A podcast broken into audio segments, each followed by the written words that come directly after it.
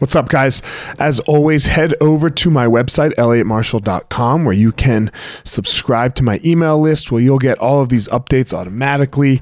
Um, check out my YouTube channel where I post a whole bunch of motivational videos and the podcast itself goes on there with uh, you know i would love a review or a like on on either on those channels um, also my instagram so um, those are the three places that I am most active is my website, my YouTube, and my Instagram. So, uh, Fire Marshall 205 uh, on Instagram, and then the rest are elliottmarshall.com and Elliott Marshall on YouTube. So go check those out.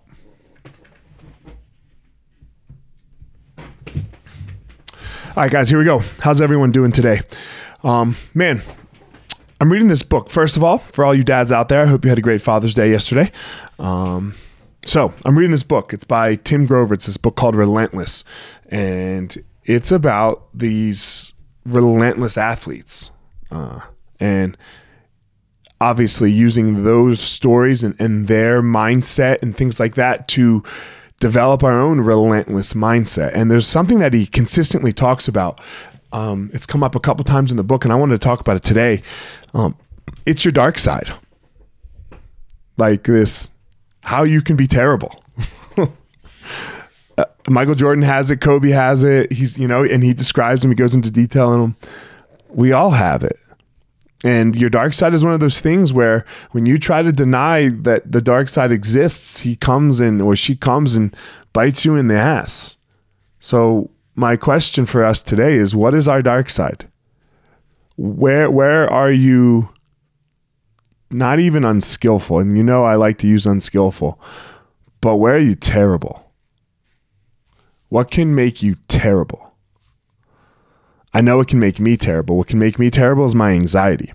And not in a way where I'm crying. Like, that's not my dark side. My dark side of my anxiety is uh, all of the insecurities that it can bring up when I start screaming about how great I am, or I not even, and I don't scream that I'm great. It's the way in which I'll speak. It's the way in which I'll treat other people. It's the way in which I'll I will show up for other people in my life. So uh that's my dark side. And then what that does and, and how that then manifests into my life, it, it's a pain in my ass. You know? It's a pain in my ass. That's your dark side. Your dark side, again, it's not like the, oh, you're scared of this or, oh, I don't like this or whatever it may be. No, we're not talking about that. We're talking about your evil, the evilness of you. Please don't deny that it's there. Remember, it, you, you, it, it's within you. It's within you. It's within all of us. We all can be evil. And just like our feelings, just like our emotions, our sadness, right? Um, our fear, whatever those things, uh, you know, I talk a lot about making sure that you're realizing them and paying attention to them and being aware that they're there. Well, you have to be aware that this this evil is there in you as well. Like th- this is part of me, and this this is where I can go really really dark and really really bad, and I can make other people feel like shit. So. Uh, let let let's be aware of your evil. So my question and my, and my what I would like all of you who are listening today to try to try to think about where are you bad? Right? Where where are you bad? And when when you realize where you're bad, you don't we don't have to dwell on where we're bad. We can just be like, "Oh, wait a minute. That's where I'm bad." It's like a sports team. If if you're not if you're not aware uh, of how the other team might win, you ha- you're you're in denial. You're you're you're you're not looking at the whole picture. You have. I'm not saying focus on where they can win. I'm not saying, oh my god, oh my god, oh my god, I can't believe this is how they're going to beat me. No, but you must be aware of how they are going to win.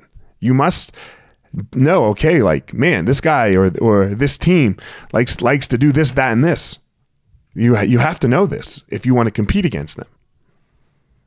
So the only person that you're really competing against in your life is you. Can you be more skillful today than you were yesterday? So you better know where it goes bad. How do you go bad? What is your dark side? Find your passion, find your power, give your purpose to the world.